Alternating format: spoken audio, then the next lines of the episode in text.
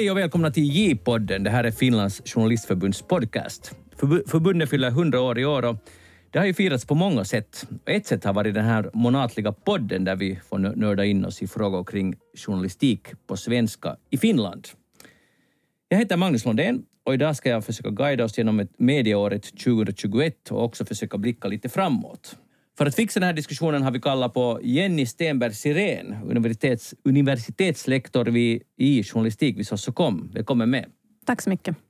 Du, har, du var ju ganska länge på Soskom, men före det var du på SLS och på Magma och före det var du länge på YLE. Så jag, när jag kollar din CV så blir jag ny, nyfiken av det här steget mellan att jobba liksom i dagsjournalistik och sen hoppa över till universitetsvärlden.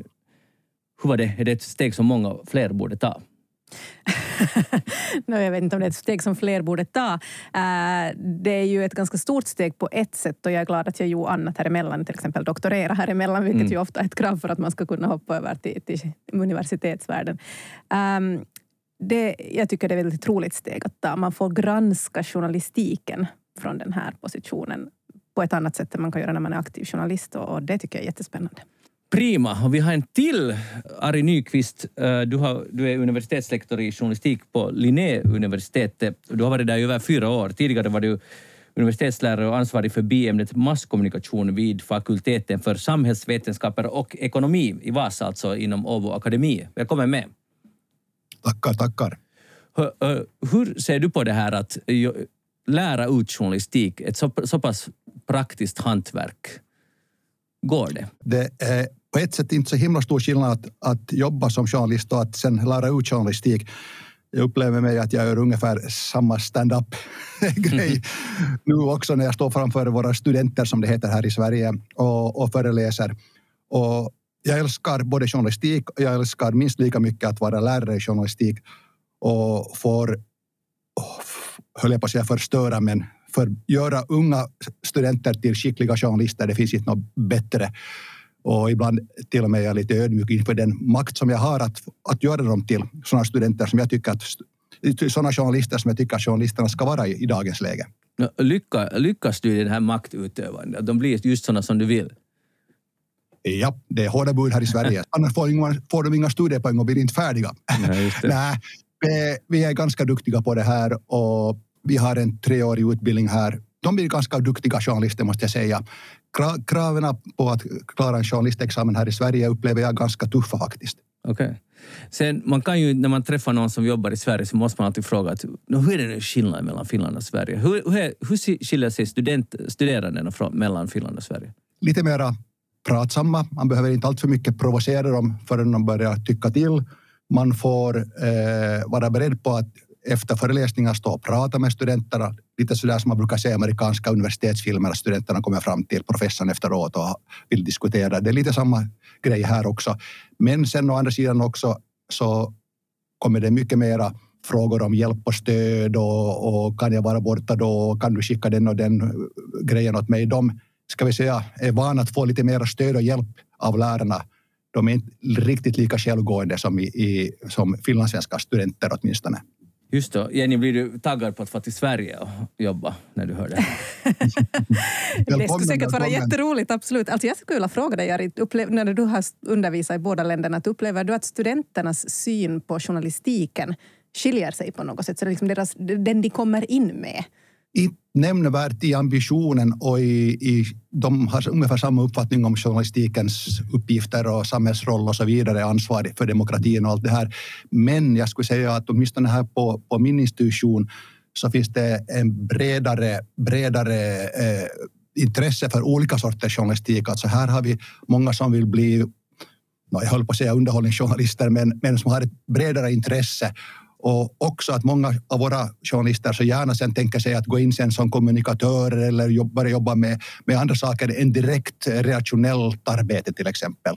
Så att på det sättet så kanske det är ett bredare intresse för medie mediebranschen här än, än bland journaliststuderande som jag hade då i, i, i Vasa.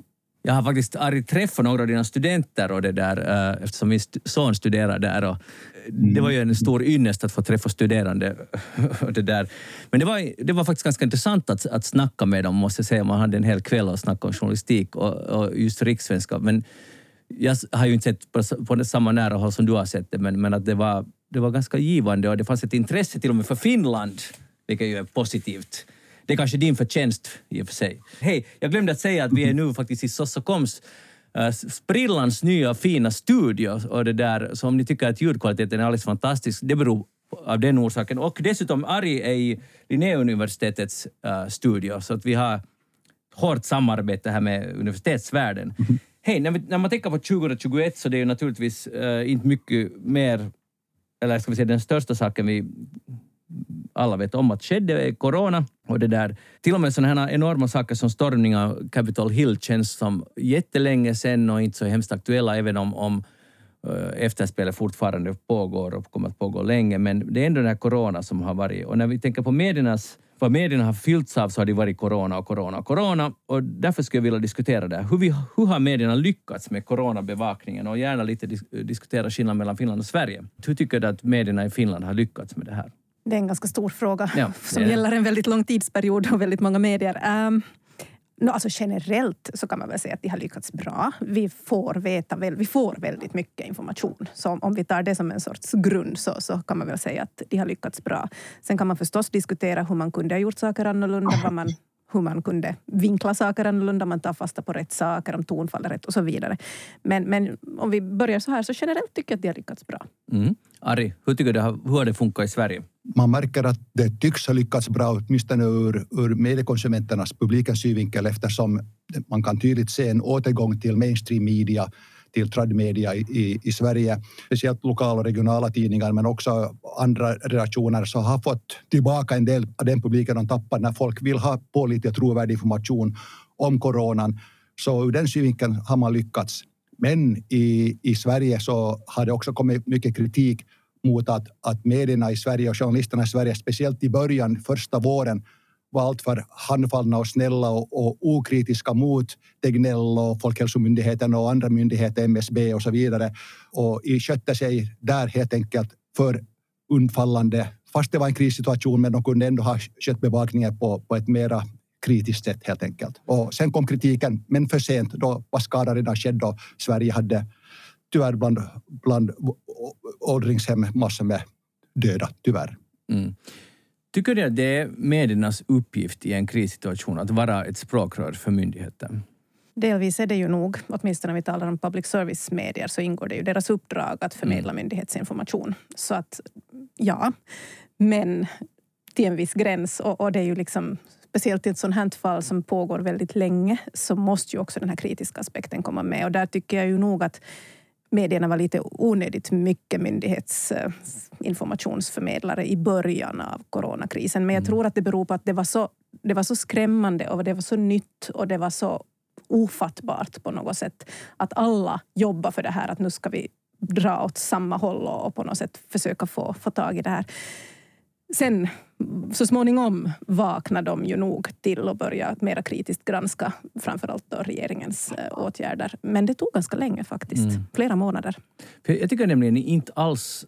Alltså, jag, alltså absolut, public service, som du säger, det ingår i uppdraget, men det ingår ju också i uppdraget att vara kritisk. Mm så är det. Och att ifrågasätta och ifrågasätta allt. Och jag tycker att det har varit lite på undantag under coronatiden. Men den här kritiska granskningen har, har nu talar jag bara om Finland, men jag tycker att den har varit mesig och inte ifrågasatt och bara gått ut på att referera mm, vad myndigheten säger på en presskonferens. Alltså delvis håller jag med dig. Det har gått mycket ut på det. Och, och, och det där, samtidigt som jag ju ändå måste tycka att de också måste göra det. Det, det ingår också i mediernas uppdrag att, mm. att, att referera vad myndigheterna säger.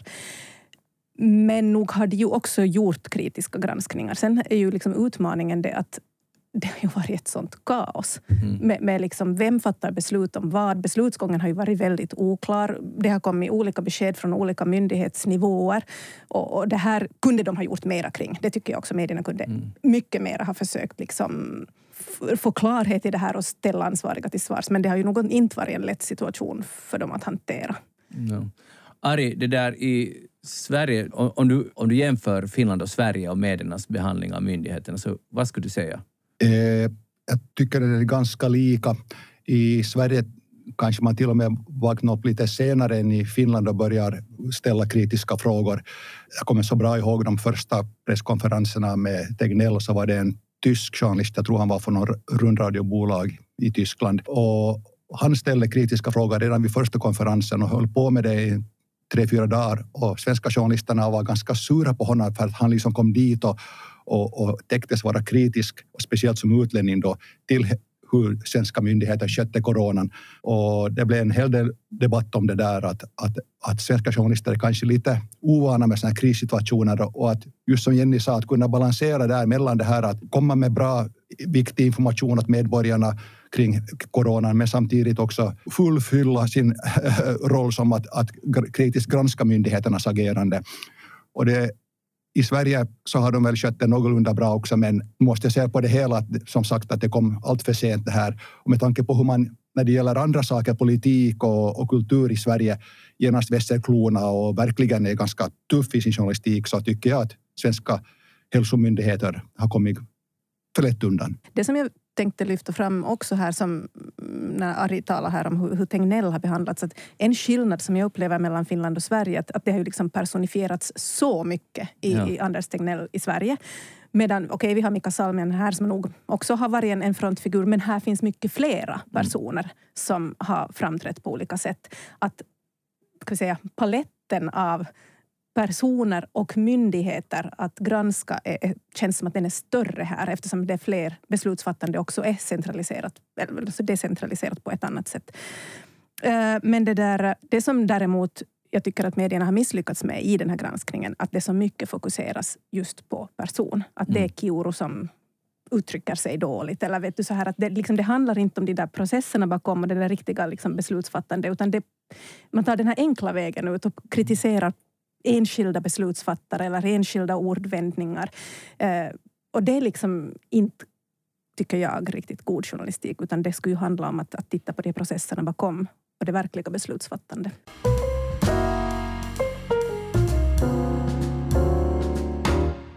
Hej, äh, när vi diskuterade vad vi skulle tala om idag, så Jenny, du nämnde det att vi, att vi skulle tala också om hur medierna behandlar vaccinmotståndare, de som inte vill vaccinera sig. Va, vad hade du i tankarna där?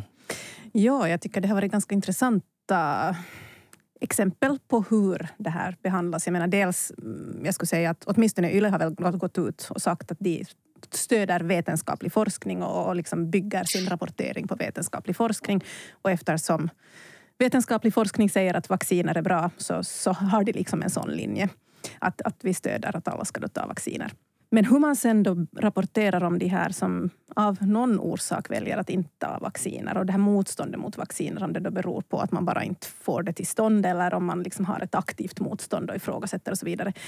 Så dels, alltså jag är förvånad över dels hur lite det har varit om det här. Det har funnits vissa eh, enskilda artiklar eller, eller inslag som har väckt då med mer uppståndelse, men det har varit ganska lite om det. Och det mesta som har skrivits om det är liksom det här att att man ska inte skapa motsättningar och att man måste förstå alla och, och på något sätt väldigt så här att liksom, ståndpunkter om att man måste ha en väldigt mjuk linje. Det här, det här speglar inte vad jag tycker utan bara vad jag ser att det står i, mm. tidningarna. Och jag är lite förvånad över att man har eh, en sån, att det är den enda synen som på något sätt kommer fram. Att hemskt lite kommer det, det här ifrågasättande, liksom starka ifrågasättande av de som inte tar vacciner. Ah, ja, för jag, jag, jag skulle tycka att jag tror att många som är, inte har tagit vaccin känner att det är helt tvärtom. Att de blir totalt ifrågasättade. I kommentarsfälten blir de ju väldigt ja. starkt ifrågasatta. Och liksom av vanliga människor blir de ju nog. Och nog blir de ju ifrågasatta. Men, men det finns ändå väldigt mycket, upplever det här, att man inte får ifrågasätta allt för mycket. Man får inte skapa den här dikotomin och man ska liksom förstå att det finns många olika orsaker och så vidare. Att man inte kan få någon övertygad genom att, att de ska då ta vaccin genom att peka ut dem eller vara mm. väldigt negativ till dem. Och, och, det där. och jag tycker det här är intressant, bara att mm. vad det här visar på. Det som jag efterlyser är liksom det här kritiska ifrågasättande av eh, avsaknaden av gemensamt ansvar. Hos? Hos då de som inte tar vacciner. Mm. Att, att liksom de frågorna skulle ställas mera. Den här granskningen, journalistiska granskningen av de här grupperna som inte tar vacciner. Jag har läst flera artiklar med intervjuer med personer då som inte vill ta vaccin av någon orsak. Väldigt sällan ställs den frågan att ser du inte att du har ett ansvar för alla andra? Mm. Ja, alltså det kan ju vara att man läser artiklar, för jag tycker när jag läser, tycker, ser jag precis tvärtom att de blir helt demoniserade. Mm. Eftersom jag råkar känna sådana som inte har tagit som är helt vettiga människor, alltså som vi före pandemin alla ska karaktärisera som helt vettiga och normala människor. Och då, jag, jag är orolig för att det blir en splittring i samhället, att det blir en, en, en grupp som allt skylls på. Så det har varit under hela pandemin. Först var det de som får på hangarregattan, sen var det de som får på på fotbolls-VM till Petersburg och, allt det. De där, det där, om inte skulle vara där för dem mm. så skulle vi ha en trygg värld och så vidare. Mm. Och det jag upplever att nu har tåget gått till de som inte har vaccin. Ja, alltså jag håller med dig på det sättet att speciellt i ledare eh, och i liksom sånt här, så där kommer det ofta fram att, att just det här, att, mm. att, liksom, att nu är det det som är problemet. Ska vi få löst det mm. så då ska vi ha fixat det här. Men sen när man träff, alltså i intervjuer med, mm. med personer som då har valt att inte ta. Så där tycker jag att det sätts väldigt mycket fokus mera på de här liksom andra aspekterna. Att, att jo, de får komma fram med varför de inte vill ta, men det ställs väldigt få kritiska frågor om det här gemensamma ansvaret. Mm. Det har jag saknat i flera artiklar. Okay. Ari, hur... åtminstone, här i, åtminstone här i Sverige så kan man säga att, att, att journalisterna, media har har delat upp den här frågan på två olika sätt. De som är såna här ideologiska antivaxare och då med modell från USA och så här så har fått jättelite plats här i, i media och överhuvudtaget mycket lite diskuterats. Kanske desto mer sen då i allt media på, på alla möjliga kufiska sajter på nätet. Men inte, inte så där i, i den offentliga debatten på eh, mainstream media åtminstone så jättemycket. Men å andra sidan har man då diskuterat jättemycket varför då i vissa delar av, av Stockholm, Malmö, Göteborg så finns det då områden där, där vaccinationsgraden är låg och det råkar då vara sådana ställen där det finns mycket invandrare och flyktingar som av andra skäl kanske då inte har fått information eller är osäkra på, litar inte på myndigheter och, och misstänker lätt att det här vaccinet kan vara något annat och man tror på konspirationsteorier kanske mera än, än andra. Och det här har diskuterats mycket i Sverige och, och man har satt in extra åtgärder kring det. Men den debatten har varit, tycker jag, ganska balanserad och bra. Här har ingen demoniserats, allra minst invandrare eller flyktingar som, som, som av olika orsaker inte ännu har valt eller ofta också inte kunnat få helt enkelt någon vaccination. Mm. Så den debatten har jag, varit balanserad i Sverige och ganska vettig debatt som, som jag inte hittar mycket fel på. Mm. Hej, vi går vidare. Nobelpriset till journalister, det var ju ett, ett eh, kanonnyhet det här 2021. Uh, eh, Maria Ressa från Filippinerna och Dmitrij Muratov från, från Ryssland tilldelade, tilldelades Nobels fredspris. De får priset för sina insatser att skydda yttrandefrihet som är en förutsättning för demokrati och varaktig fred, sa Berit Reis Andersen som är ordförande för den norska Nobelkommittén. Stämmer det här? Att, att det är en förutsättning för demokrati, eh, för varaktig fred? Att det finns yttrandefrihet? Det är inga Absolut. små frågor det... du kommer med. Förlåt Ari, mm. säg du. Men det är jätteenkelt att svara på den frågan. Absolut. Jag menar, Eh, en av de orsakerna varför jag blev journalist och varför jag sen är journalistiklärare är att, är att, att kämpa för demokratin i samhället och upprätthålla ett demokratiskt eh, samhälle där alla behandlas på någorlunda jämlikt sätt. Och jag tror de just de här två är bra symboler för det här. Och jag vi blev lite rörda här på min institution, vi lärare journalistik, när, när det här priset kom och, och, och, och vi fika med tårta och allt. Mm, bra. För alltså, jag ser dem nog som uh, man ska vara försiktig med sådana ord, med hjältar, inom, i alla fall inom journalistiken. Och de är ju bara symbol, eller de är inte alls bara symboler, men de är också symboler för, för yttrandefrihet och för alla som är förtryckta uh, runt om i världen som sysslar med journalistik. Och vi har ju det lyxigt i Finland och Sverige, så lyxigt att vi ibland kanske inte ens tänker på det. Det är, därför, det är kanske det, det är lite mer att vi har det så lyxigt och sen slutar vi ifrågasätta. Det är, och sen mm. finns det sådana här typer som har allt att vinna på att inte ifrågasätta till exempel sina liv och de fortsätter ifrågasätta. Mm. Så på det sättet tycker jag det är helt outrageous att de orkar och, och, och har sånt mod. Absolut.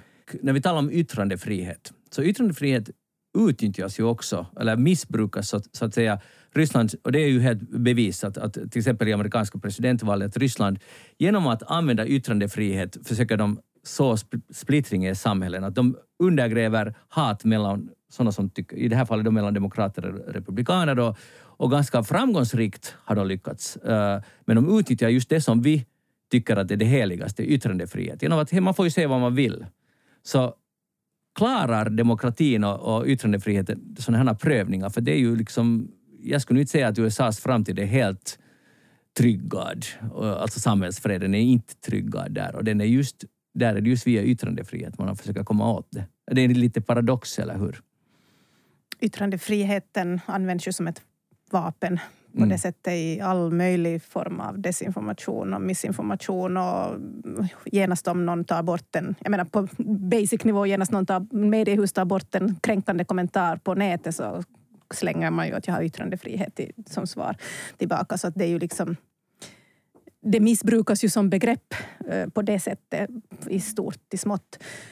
Uh, nu är jag inte helt säker på vad din fråga var, om, om yttrandefriheten. Uh, no, att liksom... klara yttrandefriheten, de här, de här testerna av mm. att, att yttrandefriheten testas av yttrandefriheten. Alltså det, det, det, det är det jag menar, det är en paradox att, ja. att man kan skapa splittring i ett samhälle genom att använda sig av yttrandefriheten. Och då mm. kan man ju börja fundera att nej, vi, det är nog dåligt med yttrandefrihet, för tänk att samhället blir så här splittrat. Men det är ju där journalistiken kommer in, som granskare av fakta och granskare av påståenden och granskare av sanningen, mm. om vi nu kan använda sådana slitna begrepp som sanningen.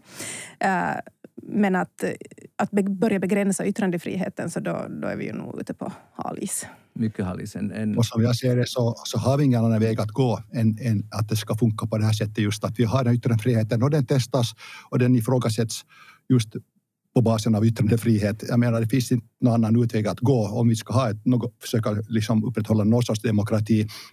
En annan sak är sen att till exempel vi journalistiklärare och, och också publiken överlag, människor överlag idag måste ha ett större ansvar för att, för att själv kolla upp fakta och, och gå ut och, och, vara källkritiska och, och, och fundera och, och också lära sig att, att på något sätt, eh, på något sätt sköta om, vårda den här yttrandefriheten. Och det här ansvaret tror jag nog kommer att öka. Det har kommit så mycket motreaktioner mot hat och hot och mot, mot missbruk av yttrandefriheten. Så jag tror redan nu i skolan och, och, och jag verkar mina studenter också man börjar förstå att yttrandefriheten måste vårdas mm. och, och, att det, det, hänger inte bara på journalisterna. Vi är viktiga där för att det ska, för det ska bära det här men, men nu måste också liksom människorna själva, publiken själv ta hand om yttrandefriheten på ett annat sätt än hittills. Och jag tycker vi är på väg åt det hållet. Kanske inte riktigt snabbt men ändå. Det som man ju kanske kan tillägga, alltså det är väldigt roligt att höra Ari vad du sa om, om att du ser någon sån här sorts trend. Det som ju är liksom risken med det här är ju det att, att den gemensamma offentligheten krymper och att vi mer och mer rör oss i olika offentligheter, mm. olika debatter, olika diskussioner, att, att vi tappar den här liksom gemensamma samhällsdiskussionen där yttrandefriheten testas och också ifrågasätts och att folk mera håller sig till de här mera slutna forumen där ingen ifrågasätter.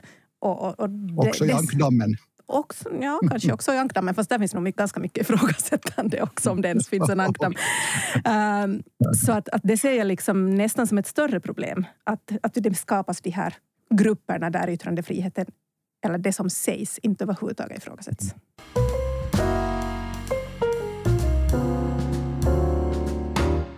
Hey, vi går vidare till, vi har ju en statsminister, Sanna Marin. Eh, det har, ni har inte henne i Sverige, men det där, du har kanske, Ari, också följt med. Eh, Tyvärr. det där, vi, har Mag, vi har Maggan istället. Ni har Maggan. Det har igen att göra lite med corona, eller ganska mycket också, att det finns väldigt få politiska ledare som har gått eh, liksom, jämnt tjock populära genom hela krisen. Alltså först var i Nya Zeeland Arden var hjälte, nu är hon inte riktigt lika mycket. Uh, Mette Fredriksen i Danmark, stjärna har dalat verkligen mycket. Sanna Marin var ju, när man tittar på henne då i början så tror jag att de flesta av oss kände en trygghet att vi är i trygga händer och det är ju det man vill känna i en kris. Uh, nu har den här bilden lite nog uh, försämrats och det det här festande som medierna har nappat på. Och jag, jag, är helt fascinerad av den här publiciteten kring att hon har varit på nattklubb och jag tittar också på någon av de här videorna när hon står stackaren där på dansgolvet och tar några försiktiga danssteg och, och, och helt tydligt ber de andra att liksom blocka den som filmar henne. Att, att leva det där livet kan jag inte förstå att någon vill göra. Men det var ju nu inte det jag skulle vilja diskutera. Utan bilden av Sanna Marin och just det här festande medierna i uh, Finland Jenny, hur tycker du man har klarat det här? Jag tycker att de har klarat granskningen av hennes eh, officiella ämbete relativt bra. Jag tycker att de har misslyckats totalt i granskningen av henne som person och mm. hennes liksom utvidgade roll. Naturligtvis, hon ska granskas. Hon är stats, alltså statsministern ska granskas vem det än är. Och, och det är klart att en statsminister har också en, ett moraliskt ansvar som också kan granskas. Men det här har ju nog fått sådana proportioner som inte känns rimliga på någon nivå. Uh, är din analys att, för det, det, har ju lätt att ta, sig, ta till den förklaringen, det är för att hon är kvinna och för att hon är ung. Uh, håller, den, håller det påståendet för en granskning? Ja, det är ju många som säger det, många som tycker det. Um, delvis kanske det finns någonting i det. Någonstans läste jag någon statistik över andelen av politiska reportrar och att det fortfarande är en övervikt på äldre män. Jag vet inte om det, den statistiken stämmer och att de då skulle ha liksom på något sätt vara mer kritiska. Jag tror ju inte att det är det som är egentligen ligger bakom. För nu alla statsministrar har granskats och jag menar vi har ju mm. alla möjliga exempel i, i tidigare historien också. Um, det finns vissa aspekter i granskningen som kanske kopplas till att hon är kvinna och ung som inte en äldre man i grå kostym skulle råka ut för till exempel. Men jag tror inte att det är liksom mm. en så avgörande aspekt faktiskt. Ari, från ett svenskt perspektiv, Sanna Marin, hurdan uh, bild har man av henne där? Är det, är det den här festpringlan eller vad heter det? Det heter väl inte pringla? Pingla? Pingla kanske ja. då är så. Pringles är chips.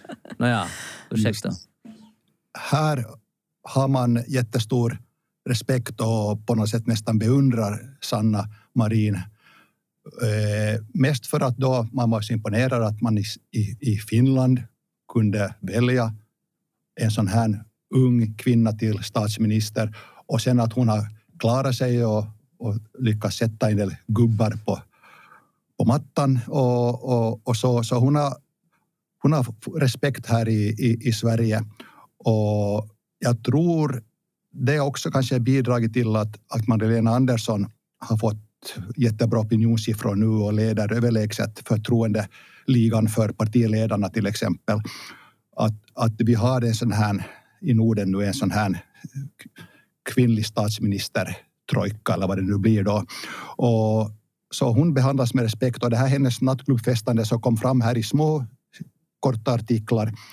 Eh, det som jag själv har tänkt på är att när var det Lintilä och några, ett par andra ministrar var på ishockey och fotboll och vad de nu var på. Innebandy. Fast de visste innebandy var det ja. Så, så då, då var det inte Ilta-Sanomat och Ilta-Lehti och i andra sådana här mera skvallersajter på nätet så var det ganska lite om det.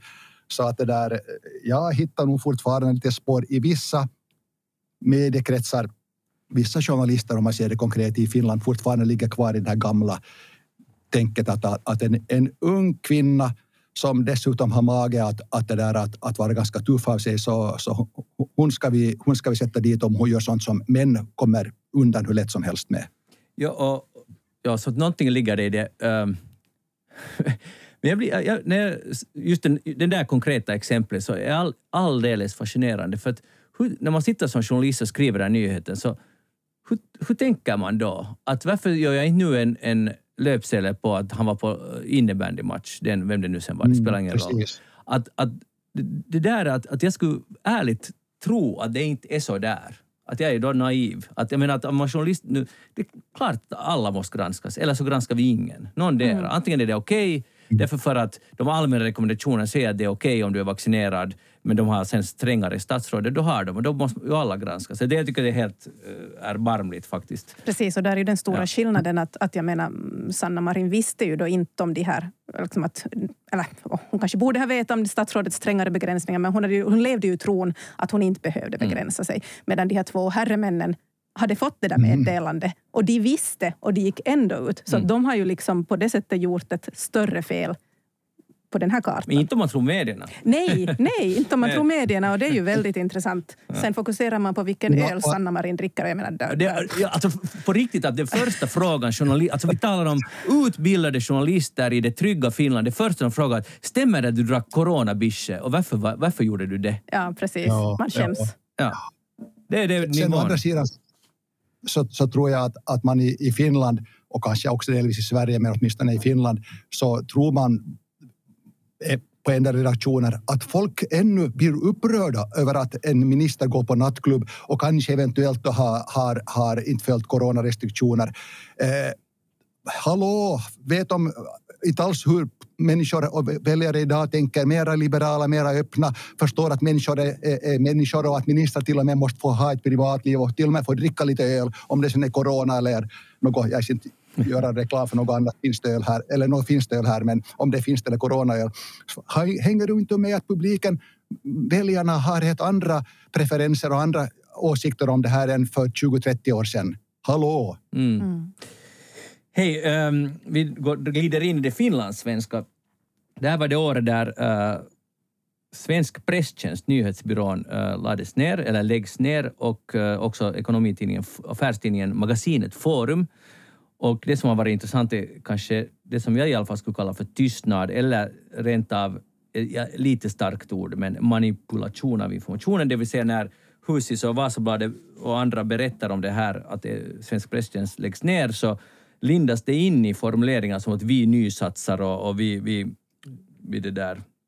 Att allt egentligen blir bättre, och det är ju möjligt att det blir det. Men att man uh, att inom journalistiken använder man, och det, samma gäller när Forum, affärstidningen, lades ner, så, så rubricerades det i huset som att vi satsar på ekonomijournalistik. Och sen stod det i en bisats att en tidning som har anor typ på uh, långt över hundra år nu läggs ner. Så det var bara, det kom bara sådär. Nå, uh, Tystnaden. Var det en tystnad och var, om det var, vad beror den på, Jenny? Nå, en tystnad om man tänker från de breda massornas sida så tror jag beror på att de här strukturerna är väldigt obekanta för gemene läsare. Jag menar, ja. för läsaren är det ganska irrelevant om det står SPT under en artikel eller om det står bara ett namn som är från då, tidningen i fråga. Det viktiga för läsaren är att det finns en tidning och att den kommer med posten och att vad som står i den där tidningen. Så att jag tror att, att eh, liksom SPT är ju inte ett varumärke som läsarna på det sättet har en anknytning till. Och jag tror att det delvis, menar, ska man lägga ner Vasabladet så skulle det bli ramaskri, men, ja. men inte, inte på det här sättet. Uh, sen hur liksom medierna har hanterat det här så No, de här artiklarna du hänvisar till i Hufvudstadsbladet, så det var ju mera liksom företagsinformation än journalistik, så skulle jag klassa det. Och, och det där. Men blir du inte lite mm, förbluffad över det? Eller, äh, eller är det normalt? att... Jag blir inte förbluffad. Jag blir, så här är det ju alltid. Jag tycker så här är det ju alltid varit. Alltid när man berättar om någonting som händer inom den egna koncernen eh, så är det ju så här. Jag säger inte att det är bra, men att jag är inte förbluffad över det, för så här mm. brukar det vara. Um, Husis brukar ju vara ganska bra nog på att kunna granska också saker som händer inom konstsamfundet till exempel och så här och skriver ut det väldigt plikttroget att, att de hör till den koncernen ja. och så vidare. Um, men um, här har, jo, jag, jag håller nog med dig. Man kunde nog, man kunde nog ha gjort det här till, en, liksom, till den nyhet det var och med det, de konsekven, och liksom granska de konsekvenser som det, det får. Uh, Yle kanske lite missade där. De borde ha tagit fasta på det här mycket mer än vad de gjorde. Och, och ja, exakt, det håller jag verkligen med om. Att båda, båda missa. Och, och, och det, det, igen eh, min naivitet, att hur kan man missa? Mm. Alltså hur kan, man, hur kan journalisten på huset gå med på det? Mm. Och jag förstår att chefredaktören säger hej nu ska vi sen presentera det här på ett kiva sätt. Mm. Men då ska man inte gå med på det. Att, att om, man, om man vill granska samhället så måste man klara av att lite... Jag förstår att det är svårt. Jag, alltså jag förstår ju, det handlar ju om... Vi förstår alla vad det handlar om, men ändå så borde man visa på så en resning. Att man, vi, vi kan ja. granska lite oss själva också. Precis, och där kunde, jag menar, ett sätt att lösa det skulle ha varit att ha två artiklar. En där man då presenterar nedläggningen av nyhetsbyrån SPT med allt vad det innebär i form av negativa konsekvenser. Ja. Och sen då har den där att okej, okay, hur svarar Husis på det här? Och ja. har då den jotton då som företagsinformation som jag kallar det. Ja, men jag, skulle, jag skulle sätta en hel del av ansvaret också, inte på journalisterna och inte på Husets redaktionens här, utan den tystnad som jag tycker jag har upplevt, jag har inte följt med det så himla noga, men blev upprörd förstås över det här också, att, att det är en sån här sammanhållande kitt i svensk Finland försvinner och så kanske vi igen blir det ännu mera uppdelat debatten i svensk Finland än det har varit hittills. Jag menar eh, österbottningar, östnylänningar, västnylänningar, ålänningar, åbolänningar och så vidare. Så, så det, det, kanske vi får ännu mindre med varandra att göra och veta ännu mindre om varandra efter det här. Men det som jag blev mest upprörd över angående den här tystnaden är det att, att ansvariga finlandssvenska politiker både på, på nation, nationell och regional och lokal nivå har varit så tysta och det har kommit ganska lite därifrån. Okej, okay, jag har inte följt med helt och hållet den här debatten, men det har varit ganska lite diskussioner kring det här själva vad följer av det här och varför är det dåligt att SPT försvinner och att, och att Forum försvinner? Och vad innebär det för svensk Finland som helhet och som, som begrepp och allt det här och sammanhållningen och allt det här? Och den diskussionen och, och, och de åsikterna och tankarna från olika politiker till exempel så, så ah, tycker jag har varit ganska svaga. Åtminstone som sagt har inte jag sett sådana starka åsikter publicerade. Mm. Mm, nej, det är sant. Alltså, Anna-Maja Henriksson skrev väl en kolumn i Hushistorien där hon nämnde det här och var inne på att det kom som en fullständig överraskning för henne och att ingen har diskuterat ja. typ med ja. henne för, på förhand, vilket man ju kan tycka att varför skulle någon ha diskuterat med henne på förhand. Men det där... Um, att egentligen är, är det en bra sak. ja, no, på ett sätt är det ju det, ja. Men att det som ju nog tycks vara fallet, att det här beslutet har fattats väldigt snabbt. Det som du Ari var inne på, det här sammanhållande kitt och, och, och, får vi veta mindre om varandra i svensk Finland så, så, frågan är ju att, att är det så? Har SPT varit något sammanhållande kitt. Jag ifrågasätter ju det. Alltså jag, jo, vi, du var inne på att vi, vi har talat om det här vid Publicistförbundets eh, diskussion och jag gjorde en sån här tillsammans med, med Lina Lorang här en, en eh, granskning av en veckas tidningar, Hufvudstadsbladet, Åbo Underrättelser och Vasabladet för att se att hur mycket SPT-material ingår och hur används det. Och det som jag kom fram till var då att det ju framförallt är sådana här liksom inrikes nyheter som SPT har, har skrivit om. Eh, THL, information, myndighetsinformation, pressmeddelanden, presskonferenser. Den här liksom på något sätt bulkbevakningen så har skötts av SPT och sen har då tidningarna kunnat plocka in det. Så att då framförallt Tobo underrättelser och Vasabladet med egna resurser har kunnat satsa på det lokala och det regionala. Så då är ju frågan att om det här SPT faller bort, vad betyder det för de här två tidningarna? För att ska de då ha överhuvudtaget en inrikesbevakning eller faller den bort? Och hur sköts i så fall den inrikesbevakningen? Uh, när det gäller Husis är läget lite annat. Uh, Husis har också använt ganska förhållandevis mindre, kan vi väl säga. Fast procent, naja, procentuellt så har de använt nog ganska mycket, men att de har så långa egna texter så att liksom, om man ser på volymen i tidningen så är det inte så jättemycket.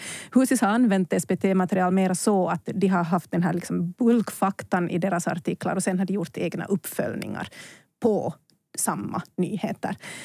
Medan till exempel Åbo underrättelser äh, använder väldigt mycket SPT-material mm. och det kommer att bli, bli tunt, tunt i den tidningen om inte lyckas ersätta det. Men Däremot så har det ju inte hemskt mycket synliggjort andra regioner eller på något sätt skapat det här gemensamma finlandssvenska, utan det har varit ganska strikt liksom inrikesnyheter, myndighetsinformation. Men Ari, vad säger du om det? det tänk om det här kittet inte alls finns? Eller ska vi säga, det finns, påstår jag, i alla fall i viss mån, men att SPT har inte liksom varit det där kittet. Jag ser det här kittets ingredienser eh, flera. Och en ingrediens i det här kittet är att vi har ett gemensamt offentligt rum i Svenskfinland och gemensam kunskap och grundkunskap om hur Finland ser ut och, och vad man fattar för beslut i riksdagen och regering och, på, och så vidare. Och, och, och att vi utöver den lokala kunskapen och vad som händer i Österbotten eller vad som händer i Vas eller vad som händer i Ekenäs eller i, i Pargas så så har vi ett gemensamt offentligt rum där vi kan sitta och diskutera med varandra och förstå varandra utgående från, från samma kunskap som finns utöver det lokala. Och, och där har SPT haft en jätteviktig roll och, och, och kunna förmedla det så att vi har fått läsa ungefär samma sak i, i Vasabladet och vad gäller just den bevakningen.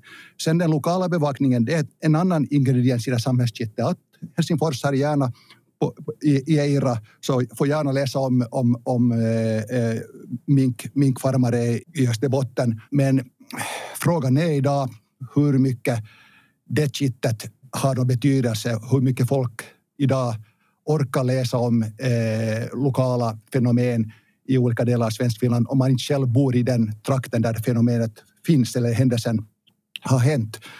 Det kräver bra lokaljournalistik om man ska kunna, kunna använda olika lokala case och lyfta upp det till en nivå som väcker intresse utöver det lokala mm. stället där händelsen har skett. Men, men just det här att att när SPT faller bort och Forum också faller bort så, så minskar det här gemensamma förståelsen för gemensamma angelägenheter i Finland. Lätt att hålla med om det. Det, det där, nu har hade ju också kommit goda nyheter det här året. Och då, då kastar jag fram så här till er en tanke om att det var 2021 det året där det ändå vände, i alla fall inom finlandssvensk journalistik. Uh, Husis anställer mera, anställde, ursäkta. OU anställer säkert, det hänger säkert ihop med SPT också, anställer uh, i Vasabladet, Österbottens uh, tidning, har också uh, anställt. Det här är ju helt otroliga nyheter egentligen. Det har inte på många år varit på det här sättet. Mm. Så är det... Svenska Yle, har ni hört om Svenska Yle? Anställer de mera folk? Nej, det gör de inte. Nej, jag tycker de har nog haft hela tiden nu, liksom då och då kommer det hela tiden nya. Det var ju någon period när det, nu vet det, säkert lyssnarna vet det här bättre än jag, men så var det väl anställningsstopp där av olika orsaker. Men det har ju nog, under flera år har det ju då och då kommit nog, liksom inte hade det varit en boom kanske under det här året, Nej. men att det finns jobb där regelbundet. Okay. Men det där, alltså de, alltså Åhus och Vasabladets anställningar nu är väl direkt kopplade nog till, till SPT har jag ja. förstått. Så att, det där, så att det är förstås på det sättet en engångsgrej. Men äh, Ari, du följer ju också med, säkert vet bättre än jag, men alltså det här Svenska institutet för mediestudiers årsrapport kom ju ut häromdagen och äh, den visar ju också på att medier i Sverige anställer nu väldigt mycket, eller har anställt mycket nya journalister eventuellt delvis kopplat till olika coronastöd och så här att man har helt enkelt fått mera pengar för att anställa mm. journalister. Mm. Men att, att man ser att i och med att annonsintäkterna minskar, vilket de hela tiden gör, så är god journalistik och mera läsare den enda vägen ut och man liksom satsar på det nu och, och hoppas att det ska gå vägen. Vill du Ari fortsätta på det du känner att det är bättre mm. till svenska mediemarknaden? Precis, det, det här, den här årsberättelsen eller årsboken för i år som, som Medieinstitutet presenterade här alldeles nyligen. Så där kommer man fram till att det har gått bättre. Eh, medieanvändarna, publiken har återvänt till, till speciellt i lokala regionala medier. Det går bra för olika lokala mediehus, olika koncerner går det bra för. Eh, och man har fått, fått tack vare då coronastödet men också tack vare ökade annonsering och ökade prenumerationsintäkter. Speciellt på, på digitala sidan har det gått mycket snabbare fram än, än, än man hade tänkt, tänkt sig på grund av pandemin. Då alltså. Men samtidigt har den medieägande koncentrationen, mediekoncentrationen ökat. De här stora koncernerna så har köpt upp titel efter titel, alltså tidning efter tidning och, också sen annonserat om, om, det där, om rationaliseringar och, och neddragningar och så här. Så, så just nu är läget inte något dåligt, men, men det där, bland journalisterna i Sverige är man livrädd för att hur ska det gå efter pandemin? Att kommer den här nedläggningarna och speciellt då landsortsredaktioner och, och, och, så att, att, att fortsätta. Men nu har ju till exempel då både Expressen, eh, eh, DN i synnerhet men också andra tidningar startat upp nya redaktioner i, i de större städerna åtminstone. Och det är ju bra.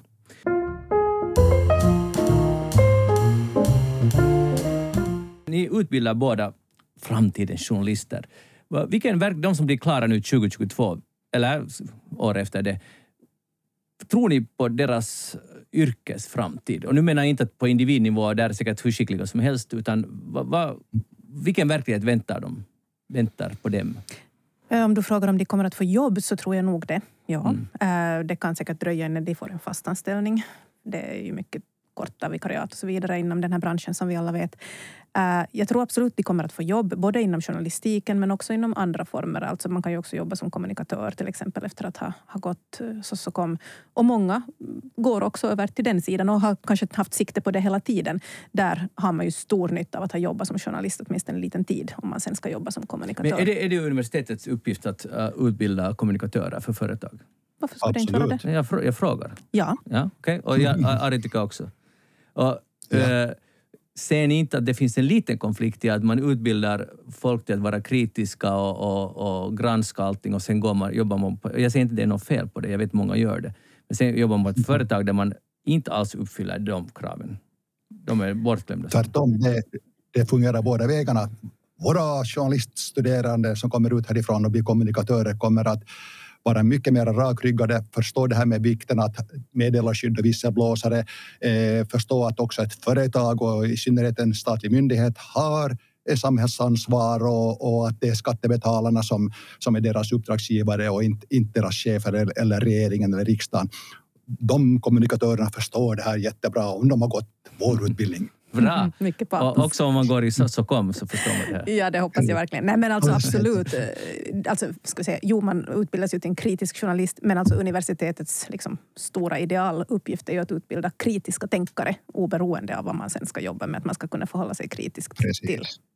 allt man möter. Så att... ehm, Okej, jag bara undrar. Ja. Alltså att om man, man, oftast följer man ju den som betalar ens lönecheck. Jo, klart man ska göra sitt jobb, inte det är ju det det handlar om. Att man ska... Men alltså, jag ser ingen motsättning i det här Okej, överhuvudtaget. Bra, det är bara jag som är naiv. Eller gammalmodig. Och det är helt okej. Hej, är det där... ehm, nu tappar jag tråden här. Jo, nu kommer jag ihåg vad det var. Jag ville tala om Magda Gad. Alltså, och det här är ett, hon är alltså då Afghanistan-korre för Expressen och eh, en kändis i Sverige nu för tiden just med tanke på allt som hände i Afghanistan. Verkligen, verkligen kändis nu efter, efter hennes se- eh, sits här i tv också. Så att det där. Ja.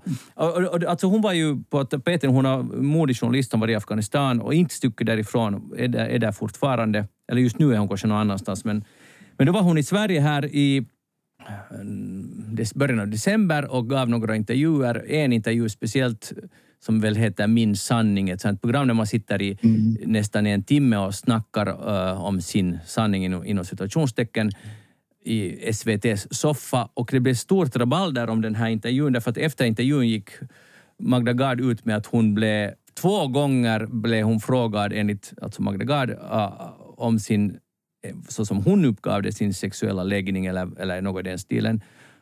Och det, som, och det kom inte med i sändningen och sen var det en annan fråga om, om varför hon inte har barn eller hur det nu var. Och sen var det massa annat grejer. Det var till exempel att de visade bilder på hennes biceps och frågade om, sa så det beundrade, du är ju jättestark och så vidare. Och då var Magda Gard lätt upprörd över, det, över de här frågorna och också över att det ha- handlar om så mycket annat än om det hon gör, alltså hennes jobb och det hon har sett och det hon, vikt, liksom vikten av att vi alla ska förstå hur läget är i Afghanistan idag. Nå, sen har ju SVT också svarat och sagt att det ställdes aldrig explicit just den frågan. De har lite förklarat och, gett ut transkriptionen av hela intervjun och så vidare. Så ni har säkert lite i viss mån följt med det här. Vad, vad är er slutsats av, slutsats av allt det här? För här finns en intressant sak som ni kanske också kommer att ta upp. Jenny? Eller? Nari kanske kan börja som säkert har följt med det här mer än jag. Ja. Jaha, för jag, jag såg på det här Anna Hedemos in- intervju. Jag brukar följa med i min sanning och, och såg intervjun med henne. Och nu sägs det ju då att de har klippt bort någonting medan de då på, på SVT och, och Anna själv säger att de inte har klippt bort det och att hon överreagerar och att hon, hon liksom, eh, gjorde en typisk svensk grej att man, att man liksom, eh, blir kränkt för någonting som man inte egentligen borde bli kränkt över. Men svenskarna blir ganska lätt kränkta har jag märkt. så, Ja, ja. så hon, blev, hon blev det. Och svårt att säga vad som är sant och vad som är, vad som är lögn. Har de klippt bort henne eller inte? Lite måste jag säga ändå att jag reagerar. Jag vet ju konceptet för min sanning och att det ska tränga in i privatpersonens sanning också, inte bara det yrkesmässiga och så här. Jag accepterar och förstår det. Men lite har jag ju nog till när man mellan raderna kun- konnotera, alltså lätt förstå lite att, att den här frågan egentligen betyder just din sexuella läggning och har du liksom osäkerhet på din könsroll och sånt här. Så jag måste säga att jag reagerar lite åt det hållet också. Och där tyckte jag att de frågorna, just när det fanns så mycket annat intressant att diskutera om, och, om, om henne som person på ett annat sätt, utgående från vad hon har sett där till exempel, allt lidande och hennes engagemang utgående från hennes grej, artiklar så har ju varit liksom hur mycket som helst att diskutera hennes personliga tankar kring det här. Så blir jag nog lite besviken på Anna Hedemo i det här fallet. Mm. Jag kan hålla med om det. Mycket i den intervjun var alltså hälften skulle man klara sig väldigt bra utan. Sen är det en annan sak att, som du sa, att, att, att om programmet har ett koncept, varför har Magda Gard gått med i det? Hon visste ju vilket koncept programmet har. Och jag, tycker, jag tycker nog lite att Magda Gard går lite på övervarv där. Och det är ju lätt att säga, jag är inte Afghanistankorre, eh, det är hon som är så att säga har rätt att säga vad hon tycker att bo- borde diskuteras. Men, eller har hon det? För att, för att det är det här jag vill diskutera. Att, att jag har lite upplevt, ibland till och med i den här J-podden, men också annars när jag träffar journalister och, och kanske talar med mig själv, att vi, är, vi tycker inte så, så mycket om att bli ifrågasatta som journalister. Att vi, vi, vill, vi vill vara de som ställer de här frågorna. Men sen när någon, om, om man ställer en kritisk fråga till en journalist så tror en journalist ofta att hur, tycker, hur kan du tycka så där? Bara för att man ställer en fråga. Och jag kan reagera själv på samma sätt. Och, och, och jag tycker att Magda Gard, här, hennes reaktion är till en viss mån helt 100% berättigad kritik, men i viss mån också det här samma, att vi har så svårt för att själva bli ifrågasatta. Har jag fel i det här? Nu har jag inte sett den här intervjun med Magda Glad så jag kan inte på det sättet kommentera Nej. den. Men alltså, vem tycker om att bli ifrågasatt? Nej, det, är nej. väl en Men vi- ganska vi borde mänsklig tycka om egenskap. det. Borde vi då det? Ja, För vi borde kanske förstå det, men vi kan inte behöva Mm. tycka om det. Ändå. okej, det är att ja. Eh, om vi nu talar om den här intervjun så, så tänker jag själv att om jag, jag blir intervjuad i olika sammanhang nu i min nya roll här. Men jag förstår ju liksom varifrån journalisten kommer och jag kan också ha åsikter om vad journalisten borde fråga. Det är ju ganska lätt att jag, menar, det- får sällan sådana frågor jag inte vill svara på. Jag menar, Mm. det är inte så intressant att någon vill ställa jättekritiska frågor till mig. Men alltså, hon kunde ju i den situationen ha sagt att det här är inte relevant. Mm. Inte behöver hon ju liksom gå med i det spelet. Hon är själv journalist. Ja, Hon kan ju liksom ifrågasätta det. Då. Att, att varför frågar du mig det här? Att jag tycker inte att det här är relevant för den här intervjun. Jo, för sen kommer det Twitterflöde efteråt. Det Precis, det som liksom, att det känns lite liksom, det tycker jag bara vad jag har läst på rubriknivå, det känns liksom lite fånigt nästan. Att en proffs sitter i den situationen i studion och svarar på frågor. Så då man kan väl svara på de frågor man då vill svara på. Man måste ju inte gå med Nej. på allt. Ari, hur, hur ser du på det? Jag håller helt med. Eh, där skulle hon ha bra kunnat ge svar på tal och, och, och liksom tagit till- rollen lite bort från Anna och, och sagt att hur ställer du sådana här frågor? Jag förstår programkonceptet men det här tycker jag vill jag inte svara på. Det här väljer jag att, att, att, att inte svara på. Det, är för privata frågor. Hon kunde ha sagt det.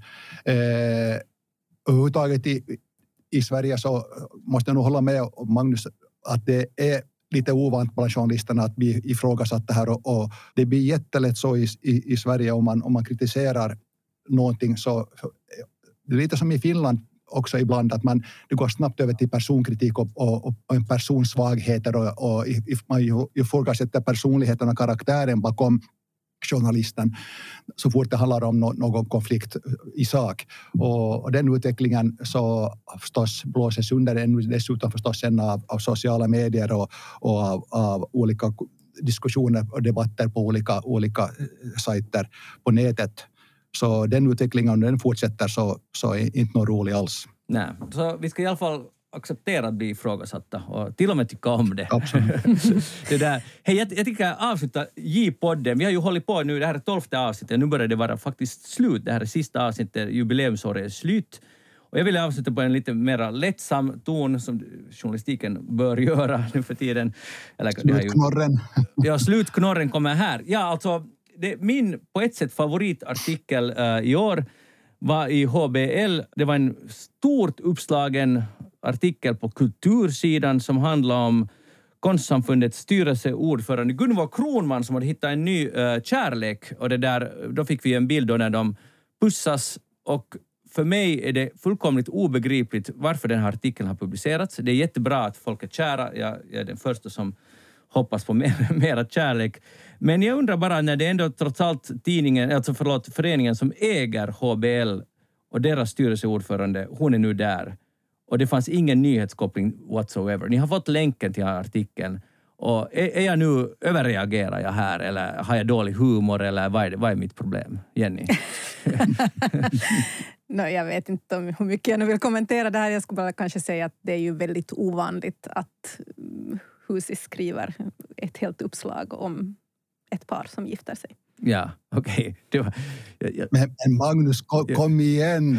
Är inte alls romantisk. och är- Det var ju så trevligt den där artikeln. Och, Ja. och de pussades och det var så romantiskt. Jag blev så på gott humör. Och varför ska inte sådana där människor också få någon gång få vara människor i media utan bara vara hårda styrelseordföranden? Mm. Nej, nej, det där var nog så trevligt. Det enda som det var fel att det var ju publicerades i helt galen tidning, en sån artikel. Det här kunde ha varit i något Finns det något motsvarande Se och Hör eller något, något, något annan tidskrift, lifestyle, lifestyle-tidskrift i, i Finland. Tyvärr har vi inte i Svenskfinland någon sån. Varför inte i Forum? Ja, ja, exakt. Men är, är det det att eh, vi har inte skvallerpress i Svenskfinland? Det här ska vara, den borde ha varit Nej, där. Just det. Så är det, är det Precis, just det precis. att, att ja, vi är för Ja. lite... Eller Kanske jag det är för, det som de här minoritetspengarna borde gå till istället för SVT. Exakt, Så ja. en sån här det skulle antagligen få ganska Vi- mycket läsare. nya Svenskfinland. pressen- Svenskfinland. Nya pressen tillbaka. Exakt Jari, vi är på samma linje. Nya pressen. Nu är det dags! Nu är det dags. Mera sån, mera sån journalistik. Det, där skulle den ha platsat alldeles utmärkt. Men lite kanske annat ja, grepp. bra som helst. Hej, eh, eh, det var slutknorren. Det var slutknorren för J-podden. Tack för att ni har lyssnat. eh, och ni får fortsättningsvis e-posta oss på bara ni hittar den här. J-podden at journalistilito.fi. Jag heter Magnus Lundén och idag i studion hade vi Jenny Stenberg i Siren. Tack för att du var med här. Tack. Och gott, god jul och gott nytt år och så vidare. Och Ari Nyqvist från, direkt live från Kalmar universitet, nej, Linnéuniversitetet i Kalmar i Sverige. Tack för att du var med. Ja, tusen tack, ja, det var härligt att få vara med här. Jag tackar Sosse kom. Eh, jag heter som sagt Magnus Lundén och då hörs vi en annan gång i annat sammanhang. Och kom ihåg att fortsätta vara taggade och kritiska och glada och så vidare. God jul, gott nytt år. Hej då!